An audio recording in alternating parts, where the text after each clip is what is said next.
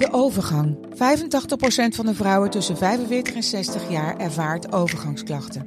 Klachten die kunnen leiden tot een verkeerde diagnose of langdurige arbeidsongeschiktheid. Wat kun je doen als je overgangsklachten ervaart? Hoe maak je dit bespreekbaar op je werk? En als jouw medewerker bij jou komt, wat kun je als werkgever dan doen? Sector Instituut Transport en Logistiek heeft een kennisplatform ontwikkeld waar jij terecht kunt voor tips en adviezen. Wil je hier meer over weten? Kijk dan eens op stl.nl/slash overgang. Zo doet zij dat, de podcast van Vrouw. Mariket Hart en Sabine Leenhout zijn vrouw-vrouwen van het eerste uur. Maar hoe doen zij het eigenlijk? Nou, hoeveel drink jij eigenlijk? Cola? Hmm. Koffie? Koffie? Drie per dag? Vier? nou, we gaan het vandaag uitgebreid hebben over alcohol. Want het is ook wel eh, in ons leven een aanwezige pilaar. Hoeveel drink jij? Alcohol, hè? Ik denk zes glazen per maand. Zeven. Oké. Maar dat was niet zo hoor. Ik ben Sinds- veel minder gaan drinken. Sinds wanneer is dat? Nou, sinds eh, een jaar of twee. En waarom? Ja. Omdat eh, Maarten eh, vrijwel niet drinkt. Mhm. En eh, ik sowieso nooit drink in mijn eentje. Dus ook als ik bij hem ben en we gaan lekker eten, dan is het niet zo dat ik een fles wijn opentrek en hij dan niet drinkt. Mhm. Dus daar ligt het al aan. Ik spreek natuurlijk wel af met vriendinnen en dan drink ik wel een glas wijn. Maar dat, dat beperkt zich meestal tot één, omdat ik, en soms twee, omdat ik moet rijden. Ja. Ik roep altijd, nou, vroeg pieken. Dus eh, als ik er ben, dan, eh, dan drink ik meteen. Als het lekkere wijn is, want eh, dat zit er ook wel aan gekoppeld. En anders vermaak ik me prima met andere drankjes. En drink je ook andere dingen, zoals Aperol Spritz of zo, wat onder mijn vriendinnen echt een, een beetje een hype is? Nou, dat heb ik de laatste keer dat ik in Italië was wel gedronken. En dan maakt het mij ook niet uit om dat om 11 uur s ochtends al te doen. Als Ja. we op dat moment op een terras zitten.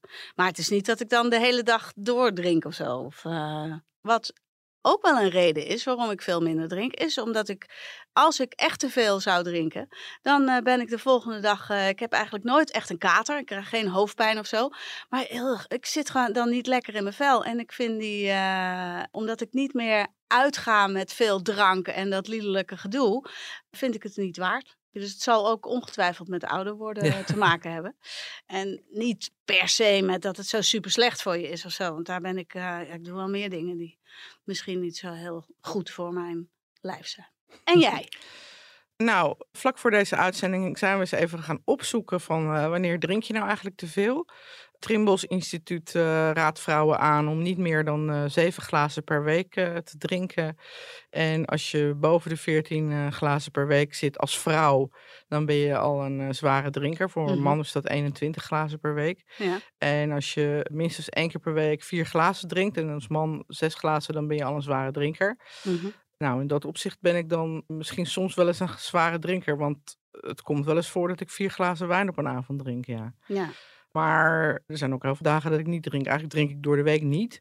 Tenzij we inderdaad een boekpresentatie of zo eh, hebben waarbij alcohol wordt geschonken. Maar ik trek door de week geen fles wijn open bij het eten of zo. Dus ik beperk dat eh, tot het weekend. Nooit gedaan ook? Want. Jeroen houdt ook wel van goede Ja. wijn. nee, we hebben wel met elkaar afgesproken dat we door de week eh, in principe niet drinken. Nee, nee. Het is gewoon niet zo gezond, alcohol. Dat zegt het Trimmels Instituut niet voor niks. Dus vandaar dat ik me wel aan die doordeweekse regel probeer te houden. Nou, verder drink ik nooit alleen. nee. Ik bedoel, net als jij. Ik zou Mm. nooit in mijn eentje een fles wijn opentrekken of een borrel drinken. Maar ja, Maar ook niet als er eh, al een, eh, een fles Nee. open in de koeling staat. Nee. Nee. want dat deed ik dus ook nooit. maar in het weekend, ja, dan komt het wel eens voor dat we dan bijvoorbeeld eh, al eh, om vijf uur beginnen met een glaasje rosé in de tuin. En dan ook nog wel wat bij het eten. En dan haal ik soms de vier glazen wel. Ja, Meestal proberen we het wel bij één fles wijn eh, te houden met z'n tweeën. ja. Nou, eigenlijk, ik drink eigenlijk alleen maar wijn. Bier vind ik niet super lekker en sterke drank eigenlijk ook niet. En ik merk ook inderdaad, naarmate je ouder wordt, dat je er ook slechter tegen kan, inderdaad. En gewoon geen zin hebt om de volgende dag eh, vreselijk brak. eh, ehm, Bellen blazen op de bank. Nee, dat Nee, je, of dat ik je gewoon met niet. koppijn eh, Nee. nergens zin in hebt. Mm. Maar ik kan met een gezellige vriendinnenavond, eh, dan hoort er wel drank bij. En ik merk wel dat dat ook een gewoonte is. Ik weet wel dat wij eh, een paar jaar geleden met een paar vriendinnen gingen we de Dam tot Dam wandeling doen. Nou, dan heb je dus 20 kilometer gewandeld. En toen waren we dan eindelijk in Zandam op terras. Nou, wij allemaal wijn bestellen. Eén vriendin zei, doe maar een kopje thee. Nou, dan zegt de rest, thee, thee, kopje thee. Ja. ja, Ja, ik heb ook wel een vriendinnetje in Bergen met wie ik eh, regelmatig op vrijdag afspreek. En dan eh, zeggen we, nou, het is tijd voor de vrijdagmiddagvergadering. dus dan, eh, zij moet ook gewoon werken. Dus dan spreken we om half zes, zes uur af. En dan drinken we cava of ja, in die tent waar wij naartoe gaan hebben ze een hele lekkere chardonnay. Maar ja, hij kost ook gewoon 6,50 per glas, hè ja. ook uit financieel oogpunt ga ik niet meer op die manier zitten tanken in een eh, gewone vrijdagmiddag. Ik ging laatst ergens uit eten, was het goedkoopste glas wijn 9 euro. Oh, wauw. Ja. Ja. Nou, Bij is- jou heb ik eh, trouwens die mipwijn eh Ja, ja, ja. kennen. Nou, je had in Bergen, had je, paar jaar geleden had je ook een, een groep vrouwen en die noemden zichzelf de MIP Club. Nou, werkelijk, vond ik ook heel erg. Allemaal van die vrouwen die niet werkten. Het grootste gedeelte woonde op de Eeuwige Laan. Dat is de mooiste, duurste laan eh, van Bergen. En die kwamen dan eh, in de middag bij elkaar met hun kleine kinderen en zetten het eigenlijk stevig op een zuipen. Ik vond het toch redelijk bijzonder hoor. Ja. Ik vind daar wel wat van. En wat vind jij dan van aangeschoten worden? Nou, dat hangt er heel vanaf op wat voor soort eh, gelegenheid. Ja. Ik heb wel eens een keer meegemaakt op een werkborrel dat iemand in een leidinggevende functie echt liederlijk dronken werd. Oh, ja. En ook eh, bij eh, aanwezige heren om hun nek ging hangen. En ja, weet je, en daar werd gewoon ontzettend over geroddeld eh, daarna. Ze werkt hier al heel lang niet meer. Nee. Maar zoiets gaat aan je kleven. Kan Ja. jaren later dus nog, hè? Ja, ja, ja. Dus eh, ja, daar vind ik wel wat van. Dat zou ik zelf heel erg voorzichtig eh, mee zijn. Ehm, er zijn natuurlijk ook die discussies van hoe doe je dat in nabijheid van kinderen. Mhm. Dat was wel grappig. Ik werd laatst gebeld door iemand die wilde een straatfeest organiseren bij haar de straat in Alkmaar toevallig. En ik heb jarenlang bij ons in de straat het straatfeest georganiseerd. Mhm. En zij zei, ja, wordt er dan wel alcohol geschonken? Want er zijn ook kinderen bij.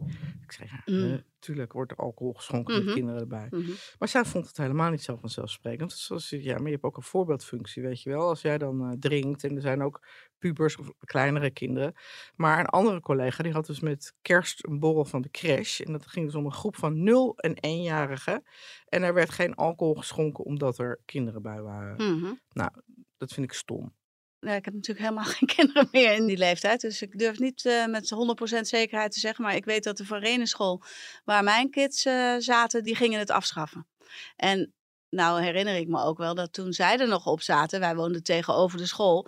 En ik vond de wijn vies.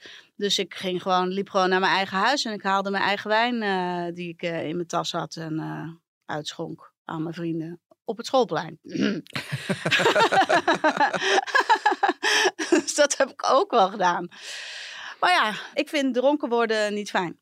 En aangeschoten eigenlijk ook niet. Ik vind het super stom dat je er een beetje naast gaat praten. En eh, wat ik ook eh, wel heb gehad, is dat ik de volgende dag dingen echt niet meer weet. Mhm. Dat ik wel weet dat ik met iemand gesproken heb en eh, ergens vaag nog een belletje rinkelt. Oh, volgens mij had ik ook nog iets afgesproken of iets beloofd. Of eh, ja, wat was het nou ook alweer? Nou, ik vind dat zo irritant. En daar had ik vroeger helemaal geen last van. Maar de laatste tien jaar heb ik daar dus wel last van. Nou ja, en dat heeft me ook deels doen besluiten eh, om die hele alcoholinname te veranderen. Nou heb ik die natuurlijk wel gecompenseerd met cannabisinname. Nou ja, gecompenseerd is misschien niet het helemaal het juiste woord. Maar ik ben liever een beetje stoned dan dat ik eh, dronken ben. Laat ik het zo zeggen. Want daar heb je namelijk nul effect van de volgende dag. Helemaal nul. Nou, ik Ja. eh, hou er niet zo van om de controle te verliezen. Mhm. Dus ik eh, slik liever niks waarvan ik niet precies weet eh, wat voor effect dat Ja, op mij heeft. Maar ja, uiteindelijk neem je ook één keer die eerste borrel. Is ook zo. En daar ga je geleidelijk dan in. alleen En met, is alleen met drank weet ik eigenlijk wel precies wanneer ik moet stoppen. Ja, ja, maar dat komt. De, je bent ervaringsdeskundig. Ik begrijp alle weerstand, en, maar het is onwetendheid. Oké, nou ja, goed. Ja. Daar denken we dan eh, anders over. Ja. Eh, we hebben deze keer natuurlijk ook weer een gast die we gaan bellen. En dat is eh, vandaag Jacqueline van Lieshout. En Jacqueline van Lieshout, die dronk vroeger ook heel veel alcohol, maar die is een aantal jaar geleden gestopt. Mhm. Helemaal. En kon op veel weerstand van haar omgeving rekenen. Ja. En ik ben dus eigenlijk heel benieuwd waarom zij is gestopt en wat zij hierover te vertellen heeft. Dus we gaan haar even bellen. Leuk. Hi Jacqueline met Marieke. En Sabine? Hey, Hallo. goedemorgen. Goedemorgen. Jij bent een aantal jaar geleden gestopt met drinken. Wanneer was dat? Midden in de zomer, 22 juli 2016. Oké, zelfs de dag weet je nog. Ja, zeker. Ik kan me nog levendig voorstellen. En hoe ging dat dan? Mijn man had, eh, om maar met de deur in huis te vallen, een infarct, een hartinfarct gehad. Gezonde jonge man van 41. En eh, dat was op 1 juli. En Mhm. eh, drie weken daarna gingen wij samen drie dagen op vakantie om even bij te trekken. Dochter uit logeren bij oma. En ja, wij kwamen daar aan. En toen was het eigenlijk van, nou, we gaan even lunchen bij een strandtent. En dan zonnetje, lekker eten. Ja, toch even een wijntje erbij. Nou ja, lang verhaal kort, dat werd drie dagen heerlijk aan de Sauvignon. Mhm. En op dag vier met zijn medicatie, ja, vraag me niet waarom, maar ja, dat deden wij gewoon. Weet je, als je op vakantie was, dan was je gewoon lekker eh, aan de pimpel. Mhm. Op dag vier voelde hij zich zo beroerd dat we naar eh, de huisarts zijn gegaan. En zij zei, wat hebben jullie gedaan? En terwijl ik zei, lachend, we hebben gewoon in een bad Sauvignon gelegen drie dagen, zei ik, dacht ik, nu is het klaar. En dat kwam voor mij eigenlijk als donderslag bij heldere hemel. Van ja, wat, wa- waar zijn we mee bezig? Mm. Ja, zo, dat, is, dat had ik nooit gedacht dat dat zou komen. En dat moment kwam ineens. En ik dacht toen niet van ik ga nooit meer drinken. Maar ik dacht wel van voorlopig niet. Echt helemaal niks. En En, jouw man man? ook. de- mijn man ook. En die, ja goed, we zijn natuurlijk nu zes jaar verder. Die drinkt nog wel eens af en toe een paar biertjes. Maar gezopen, dus meer dan twee of drie, dat wordt het nooit meer. En hoe is het nu met hem? Eh, prima. Oh, gelukkig. Ja. Ja. Ja. Hey, en waarom heb je er vervolgens je gestopt met drinken? Maar dat niet alleen. Je hebt er bijna een soort missie van gemaakt. Dat wist ik toen natuurlijk ook niet. Want toen was het meer gewoon eh, de dagen tellen en denken hoe lang ga ik dit doen en wanneer zal ik weer. En eh, na een maand of acht fietste ik ineens langs een terras en toen dacht ik, ik ben eigenlijk zo verbijsterd wat het me allemaal oplevert. Dat had ik gewoon helemaal niet ingeschat en ook gewoon niet beseft. Al die jaren dat ik mezelf ook gewoon als normale drinker zag. Want iedereen om mij heen dronk ook op deze manier. Weet je, een paar dagen in de week, maar dan wel altijd eh, ja, gewoon door, zeg Mhm. maar. Mhm. Hoeveel dronk je dan op een dag? Nou, nou ja, eh, drie keer in de week. En dat waren dan drie borrelavondjes, één keer een etentje en één keer naar ons café op vrijdagavond en dan één keer nog met z'n tweeën. Ja, en dat kon verschillen van zes glazen tot misschien een keer, als je om drie uur s middags begon, tot twaalf uur s avonds, misschien een keer wel tien. Mhm. Ja. Ik heb ze nooit echt zo geteld. Maar dat, eh, ik dronk ook vier dagen niet. En zo praat ik het ook altijd goed voor mezelf. Als ik dan een kater had, ja, maar ik drink ook vier dagen niet. Dus ja, wat is dan het punt? Mm. En was er ook een Ehm. bepaalde vorm van afhankelijkheid? Had je dat idee? Nou, toen niet. Nee. Toen absoluut niet. En dat vond ik ook helemaal niet. Want ik bedoel, ik had gewoon een succesvolle carrière en eh, een kind en alles prima en leuk. En, maar als ik nu terugkijk, denk ik dat ik er wel veel mee bezig was. Mm. Oh, zij komen vrijdag eten? Oh, nou, dat zijn van die gezelligers. Nou, dan wordt het leuk. Of eh, 's middags om vijf uur zeggen, kunnen we al weg? Of op een terras gaan zitten en gaan zoeken, waar is de ober? Kunnen we alweer bestellen? Ja, ja. Glas is leeg, ik wil er nog een. Ja. Ja, en op zo'n moment vind je dat niet afhankelijk. Maar eh, pas als je ermee stopt, dan denk je: oké, het was toch had een veel grotere rol dan dat ik wilde beseffen, zeg maar. ja. Wat heeft het je gebracht? Het begint altijd met betere slaap. Gigantisch. Ik ben in eerste instantie heel erg moe geweest. Maar als je beter slaapt, dan valt eigenlijk zoveel op zijn plek.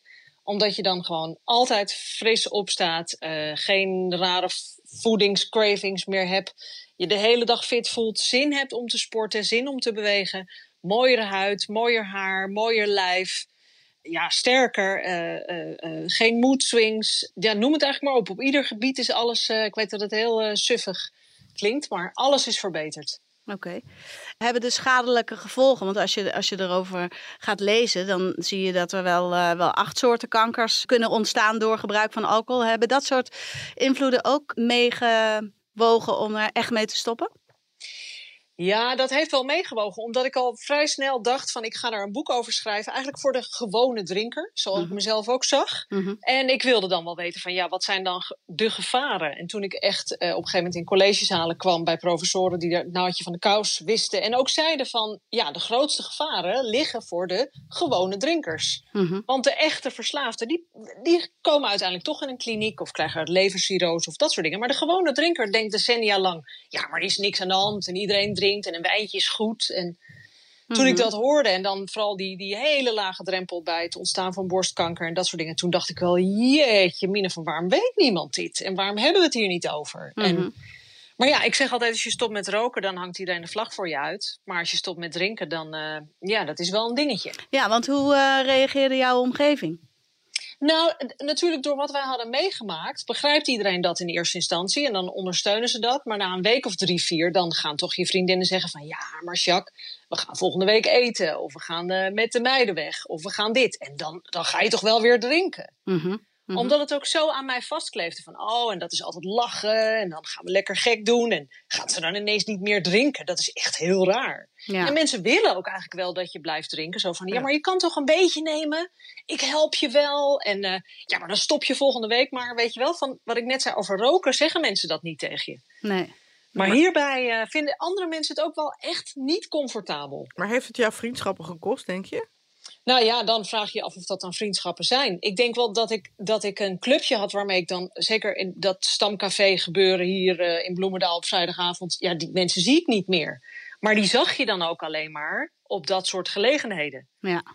De mensen die ik 30 jaar ken, daar heb ik bijvoorbeeld met mijn beste vriendje, met wie ik altijd Barbara Streisand zong op het, de Grote Markt in Haarlem. Daar, we hebben wel een beetje gezocht. Want eerst gingen we altijd uit eten.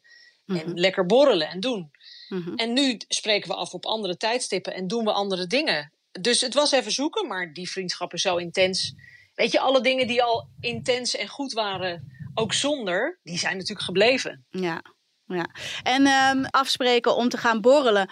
Doe je dat dan nog wel en, neem, en drink je dan gewoon wat anders? Of Ja. heb je dat soort momenten uitgebannen? Nee, dat doe ik wel. Alleen ben ik niet meer van het hele laten. Omdat ik er nu wel achter ben dat ik gewoon überhaupt meer een ochtendmens ben. En dat ik al vrij snel denk, nou jongens, ik vind het goed geweest. Maar dat vind ik nu ook niet meer erg. In het begin vond ik dat heel moeilijk. Ik denk, ja, iedereen heeft het leuk en nu moet ik naar huis. En, en nu denk ik, ja, weet je, op een gegeven moment is het voor mij gewoon genoeg geweest. Maar dat komt ook op een gegeven moment heeft iedereen zoveel op. Ja, dat heb je als je drinkt niet in de gaten. Maar dan, dan hoor je echt drie keer dezelfde verhalen. En eh, ja, dan kan ik beter gewoon iedereen eh, blij gedag zeggen. En dan weet ik, ja, dat is gewoon niet meer voor mij. Nee. nee. Nee, want dat is wel heel anders, hè? Als je helemaal niet drinkt en mensen worden een beetje liederlijk of inderdaad eh, vallen in herhaling. Ja, maar dat vind ik dan nu. Kijk, ik ben, het is natuurlijk al zo lang. Dat maakt mij echt niet meer uit. En ik kan echt super genieten van een barbecue of dingen of weet ik het. Maar op een gegeven moment, dan gaat het volume omhoog. En dan, eh, ja, dan krijg je al die, die toestanden. En dan vind ik het ook gewoon genoeg geweest. En dan ga ik daar niet zuur in een hoekje zitten. In het begin heb ik dat nog wel eens gedaan. Maar daar was ik vrij snel vanaf natuurlijk. Ja, En nu denk ik, nou, laat iedereen lekker plezier hebben. Maar voor mij is het gewoon, eh, is het gewoon goed zo. ja. En in je relatie, heeft het daar niks in veranderd? Je zegt, je man eh, drinkt af en toe nog wel een biertje. Vond, want, want ik heb ook een man die helemaal gestopt is met drinken. En nou was samen uit en om 11 uur eh, ineens eh, besluiten... nou, we gaan nu aan de, aan de barco's of zo. Dat was Ja. altijd wel een lollig moment. Nou is dat wel tien jaar geleden, maar ehm, ik kan dat soort momenten met hem nog wel eens missen. Is dat eh, iets wat Ja, dat herken ik. Ja, Mm. dat herken ik echt. En dat zal ik ook als eerste beamen. Van, ik kan nog wel eens terugdenken van ja, weet je, het verbindt je ook. Het is natuurlijk een, een, een denkbeeldige verbinding, want Mhm. je bent natuurlijk lam. Maar ik kan wel denken, oh ja, weet je, dat was wel heel erg leuk. Dat verheugen op zo'n avondje en dan ja, lekker veel wijn. En eh, ja, eh, weet je, het, het leidt ook tot eh, woeste apenkooien. Ja. Ja. dat soort dingen. Ja, dat, Precies. Dat, snappen we natuurlijk. Dus dan denk je, ja, weet je, dat is in het begin heel erg zoeken. Omdat Ja. je gewoon zo gewend bent. Ja, Ja, dat is gewoon altijd de gateway tot eh, gekkigheid. ja. Ja, dat is echt wel nieuw. Dat Ja. je denkt, oké, gaan we nu vijf gemberthee drinken om in de stemming te komen? Weet je wel, dat heb ik echt wel moeten leren weer. maar dat is wel gelukt. Het is gelukt, gelukkig. Ja. Wel goed. Maar dat is ook de reden waarom ik al die online cursussen ben gaan maken. Omdat ik denk, ja, iedereen denkt, ja, dag, ik ga niet stoppen, want eh, dat is alleen maar vreselijk. Dan houdt alles op. Ja, nou. Nou, dat zijn eh, hoopvolle woorden. Een mooie afsluiting. Ja. Dankjewel voor je tijd, Jacqueline. Ja, graag gedaan. Ja. Hartstikke leuk. Dankjewel. Doeg. Dag. Doeg! Ja, dat apenkooien. Nou, dat is wel zo hoor. Ik, ik heb dronken wel eh, leuke seks, moet ik zeggen. Apenkooi, een mooi woord. Ja. Ja, nou, het, so- sommige dingen herken ik wel. Ik doe in eh, januari altijd de dry January. Ja. Zeker na zo'n eh, copieuze decembermaand. Ik doe dat al jaren. Ik drink in januari niet. Nee. En ik herken wel inderdaad dat je, als mensen dan op een feestje liederlijk gaan worden, dat ik dan denk, nou, om half elf, ik ga maar eens naar bed. Ja. Wat misschien ook beter is voor je lichaam, dat je dan op Mhm. tijd eh, naar huis gaat. Mhm.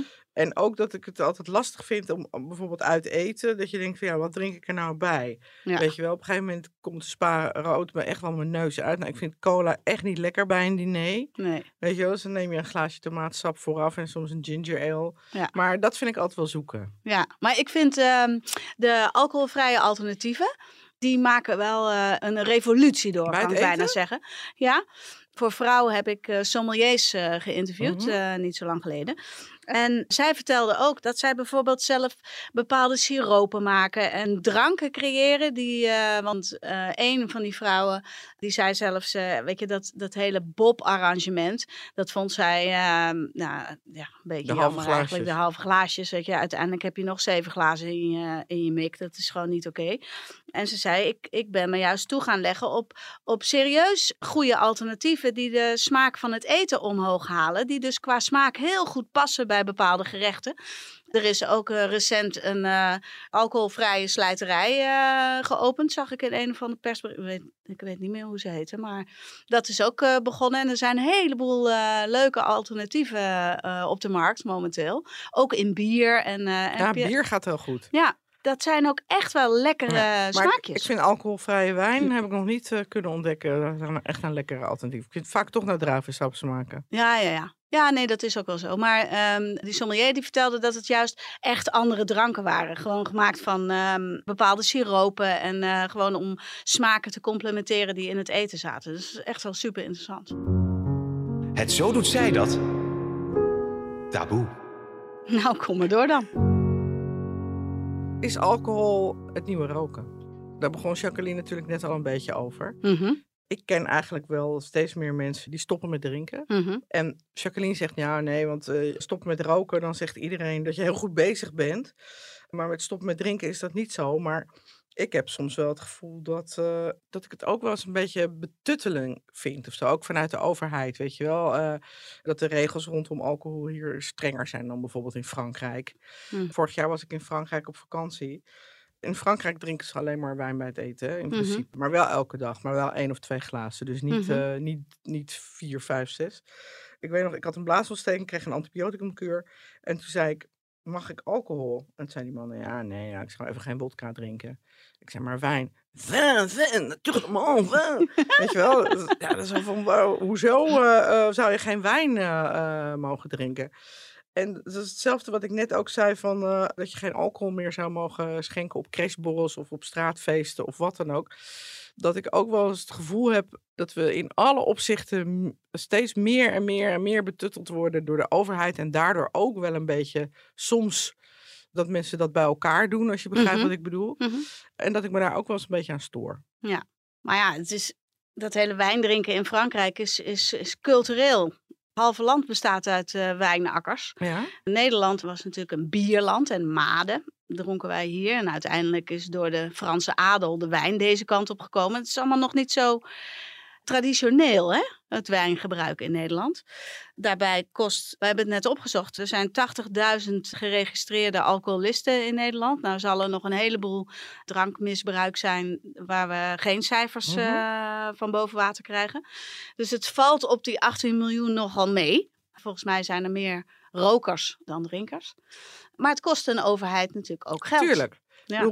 Heel veel verkeersongevallen ten gevolge van alcohol. Ja. En eh, al die soorten kankers eh, die je net beschreef. Natuurlijk ook hart- en vaatziekten. Mhm. Ik begrijp het ook nog wel vanuit de overheid. Maar het betuttelende wat er soms een beetje bij zit vanuit ons Calvinisme. Mhm. Van uh, gij zult geen vlees meer eten. Gij zult niet meer vliegen. Gij zult geen alcohol drinken. Laatst zei ook uh, iemand tegen mij op een feestje toen ik vertelde dat ik dit jaar drie keer in een vliegtuig stap. Heb jij geen vliegschaamte? Mm -hmm. Nee, nou ja. Ik ben het helemaal met je eens dat dat niet vanuit de overheid zou moeten gebeuren, maar dat er dus een kentering aan ontstaan is bij de mensen zelf. Dat mensen zich bewust, wat bewuster dat we worden. bewust met onze gezondheid omgaan, dat juich ik alleen maar ja. toe. Ja, ik ook. Ja. En ik vind het ook gewoon nog steeds leuk om af en toe een lekker glas wijn te drinken. Want ik vind het ook, ik, ik vind het daadwerkelijk lekker. Ja, nou daar hebben we dus ook een hele leuke man voor uh, uitgenodigd om iets in te komen spreken. Nou. En wie is het ook alweer, uh, Sabine? Nou, de zoon van Ilja Gort. Klaas Gort. Ja. en Ilja kennen we natuurlijk allemaal. Dat is die grappige man op leeftijd met die rare hangsnor. Nou, zijn, zijn uh, zoon heeft inmiddels ook zo'n soort snor, zag ik laatst ja, op want Instagram. hij heeft uh, het hele imperium van zijn vader uh, overgenomen. Oh, heeft Ja. hij dat inmiddels al gedaan? Ja, dat heeft hij inmiddels Oh, gedaan. want ik heb Ilja wel eens geïnterviewd uh, toen nog in, uh, wat was het ook alweer, Amersfoort. Ja. Waar hij prachtig woonde. En uh, toen was hij even terug van zijn wijnchateau. Dat heeft hij toen de tijd gekocht van het geld dat hij verdiende met die Nescafé-jingle. Want die heeft hij natuurlijk gemaakt. Mm -hmm. En hij is daar wijnboer geworden. En verkoopt zijn wijn ook bij de Albert Heijn en de Gal en Gal. En ja. La Slurp. en zo. En Slurp. Ja, ja geweldig. Nou, we gaan even luisteren naar Klaas. Ja. Zo doet hij dat. Wat is er zo fijn aan wijn? Klaas Gort. Het eerste wat er binnen schiet is de diversiteit eigenlijk die je kan hebben in wijn. Je hebt duizend verschillende druivensoorten, maar ook nog eens tienduizend verschillende soorten geuren en smaken die je daarin terug kan vinden. Elke fles is weer een heel nieuw avontuur. Het is een uh, prachtig natuurproduct. Het is fijn om het hele jaar door te werken en dan echt dat als eindproduct te hebben. Eigenlijk dat is misschien nog wel het fijnst. Dat je weet waarvoor je werkt. Maar dat is de visie van een wijnboer, wat er fijn is aan wijn. En wat is de visie wat er fijn is aan wijn van jou als wijndrinker, wijnliefhebber? Het maakt maar, de maaltijd af, het moment af. Als je een, een, een mooi stukje vis hebt, dan is het weinig lekkerder dan een, een mooie witte wijn erbij die dat dan zeg maar, complementeert. Drink jij zelf veel wijn? Uh, ik denk drie keer per week, twee, drie glazen per keer. Wat moeten we zeker weten over wijn? Nou ja, het is een enorme klus om die wijn in de fles te krijgen en bij de consument. Dus niet, niet zomaar achterloos opentrekken en, en wegklokken. Want we zijn enorm overgeleverd aan, aan allerlei soorten natuurlijke evenementen zoals het weer en, en zo meer en regenval of niet. Dat kan enorm uh, lastig zijn. Heb je een advies voor mensen die in de supermarkt staan en die staan voor een muur van wijnflessen? Waar moeten ze op letten om een goede wijn te kopen? Nou, niet meteen onze wijn noemen, maar... Ja, dat vind ik zelf ook altijd lastig. Je kijkt dan een beetje naar iets wat dan bekend overkomt. Of een druivensoort die je lekker vindt. Of als je dat ook al niet vindt. Of een regio die je uh, misschien kent. En als je dat ook al niet vindt, dan misschien gewoon kijken voor een medaille. Dat is toch het simpelste. Alvast santé. Santé. Santé. Dit vind ik wel, dit vind ik leuk. Ik, vind, ik verbaas me ook soms uh, dat we, wanneer wijn 3 euro kost. Ja. Dan denk ik, hoe dan? Die druiven worden door mensen geplukt. Daarna worden ze uh, door mensen geselecteerd. De rotten die moeten eruit. En dan dat hele proces, dat is intensief, tijdrovend. En dan moet het ook nog in die fles en die kurk erop. En dan moet het ook nog hier naartoe gereden worden. En dan komt het uit, uh, weet ik veel, Zuid-Afrika, Argentinië, Chili uh, of Frankrijk. En vervolgens kost zoiets 3 euro. Hoe? Ja. Hoe werkt dat? Nou ja, dat zegt Marjolein uh, Hurkmans, onze culinair expert ook altijd. Ja. Van, koop nooit een fles wijn onder de 6 euro. Ja, daar ben ik het eigenlijk, Ja. denk ik, uh, wel mee eens, ja. Ja. Nou, ik heb Ah. zo'n Vivino-app. Ja, die heb ik inmiddels ook. Ja. En daarmee heb ik bijvoorbeeld, is inderdaad wel eens in de Franse supermarkt. Want daar heb je dan helemaal uh, enorm veel uh, rijen, schappen vol met wijn. Geeft die minimaal een vier, dan is hij de moeite waard. Ja. Maar wij hebben een hele leuke slijter in, in Amstelveen. Ja. Waar je ook heel goed kan laten adviseren van nou, er komen gasten en ik heb uh, die en die vis of wat dan ook. Mhm. Die wordt dan weer een beetje boos op die uh, Vivino-app. Want die zegt, ja, dat is gewoon voor consumenten. Die hebben er toch helemaal geen verstand van. Oh, oké. maar ja, ja, consumenten vertellen wat lekker is of niet. Ja, Ja. als ik uh, uh, een hotel boek, dan uh, zorg ik ook dat hij minimaal een 8 heeft van alle beoordelaars. Want zeker als er veel mensen zijn geweest, dan klopt dat ook wel vaak. Ja, toch? Ja. Ik vond wel um, leuk om, voor, allereerst ook leuk dat Ilja zelf ook te horen was. Hè? Ja. Want, maar dat de liefde voor het het maken van wijn, dat je dat eh, bij Klaas echt hoort. Ja. En op zo'n manier een glas wijn drinken bij je eten is toch fantastisch? Ja, want hij drinkt eigenlijk, als je dat zo hoort, ook helemaal niet vreselijk veel wijn. En inderdaad alleen maar bij het eten. Bij het eten en zodat het je voedsel complementeert. Ja. En dat is eh, denk ik wel een hele mooie manier om wijn eh, Ja. te drinken. Ja, nou, Denk daar heb ik eigenlijk ook wel iets over op te biechten. Aha. Opgebiecht. Nou. Nou, ik ben eh, nog helemaal niet zo'n wijnkenner, maar ik vind mezelf wel een beetje een wijnsnop. Oh, Zo langzamerhand worden. Ja? Dat komt eigenlijk omdat Jeroen heeft een keer zo'n eh, wijncursus gedaan. Waarbij Ja. hij dus eh, kennis kreeg over wijn. ja. Ja, toen ging hij ook heel erg overdreven, steeds met zijn neus in het glas en dan eh, proeven. Gaat een beetje zo gorgelen bijna. ja, met die, bijna gorgelen met die wijn. ja. Dat ik dacht dat ik zei, doe even normaal. Maar wel dat hij daardoor steeds betere wijn ging kopen. En zich inderdaad laat adviseren door Arno. Die ook gewoon prima flessen wijn van 6 euro heeft. Hè? Echt Ja, niet, ja. dat Ja. het nou allemaal vreselijke dure wijnen zijn. Maar het lastige daardoor is wel inderdaad dat je dan in een café komt. En dan hebben ze bijvoorbeeld maar twee soorten wijn. En die zijn eigenlijk allebei niet te zuipen, maar wel duur. Ja. Dat je echt denkt van nou, dan kan ik het inderdaad maar beter gewoon bij spaarhout eh, houden. Als je eh, niet zo van bier houdt Ja, dan die vieze wijnen te drinken. Maar ook wel eens dat je, zoals bijvoorbeeld mijn zusje, die gaf een feestje eh, afgelopen zondag. En nou durf ik dat bij haar wel. Dan, ga, dan zegt ze, wat voor wijn wil je? En dan ga ik dus in de koelkast kijken wat voor wijn ze heeft. In plaats van dat ik gewoon zeg, doe, doe maar wat. Of zoals sommige mensen, nou heb je een droge witte, weet je wel. ja, ja. Nou, ik ben tegenwoordig al zo dat ik dan toch ook wel wil weten wat voor druif het is. Ja, ik ook. Ja, dan ben ik ook wel echt een wijnsnop. Want ik, ik drink natuurlijk niet veel. En als ik dan een glas wijn drink, dan eh, wil ik ook wel een lekkere wijn. Het laatste, het, het vrouwjubileumfeestje wat we in een café vierden. Daar hadden ze volgens mij eh, alleen Chardonnay of een rosé. Ik begon met een glas wijn. Nou, ik heb er twee slokken van genomen. Toen dacht ik, ja, dat ga ik dus ook gewoon niet opdrinken. Nee. Dit is echt niet mijn smaak. Nou, dan heb ik liever, eh, als ik lekker in het zonnetje sta en met alleen maar leuke mensen aan het kletsen ben, Ja. eh, geef mij dan maar een spaatje of een colaatje. Ja. Maakt me niks uit. Ja, want wat, eh Ja. wat Mieke Kosters zegt eigenlijk altijd over eten, van, die, van die cursus, zo word je slank. Dan zegt ze van ja, het eten moet eigenlijk minimaal een 8 zijn, anders is het gewoon niet waard, weet je wel. Van ja, waarom zou je hele goedkope chocola eten die niet lekker is? Ja. Kan je het beter niet doen en hetzelfde geldt eigenlijk ook voor wijn. ja, precies. Ja, daar ben ik het volledig mee eens. Nou, Nou. fijn, we zijn het helemaal eens met elkaar. Ja, lekker. Ja. Nou, wijntje? Nou, tot geniet ervan, van eh, wat je ook eh, gaat drinken eh, Ja, dit weekend. Ja. En bedankt voor het luisteren en tot de volgende keer. Doei doei.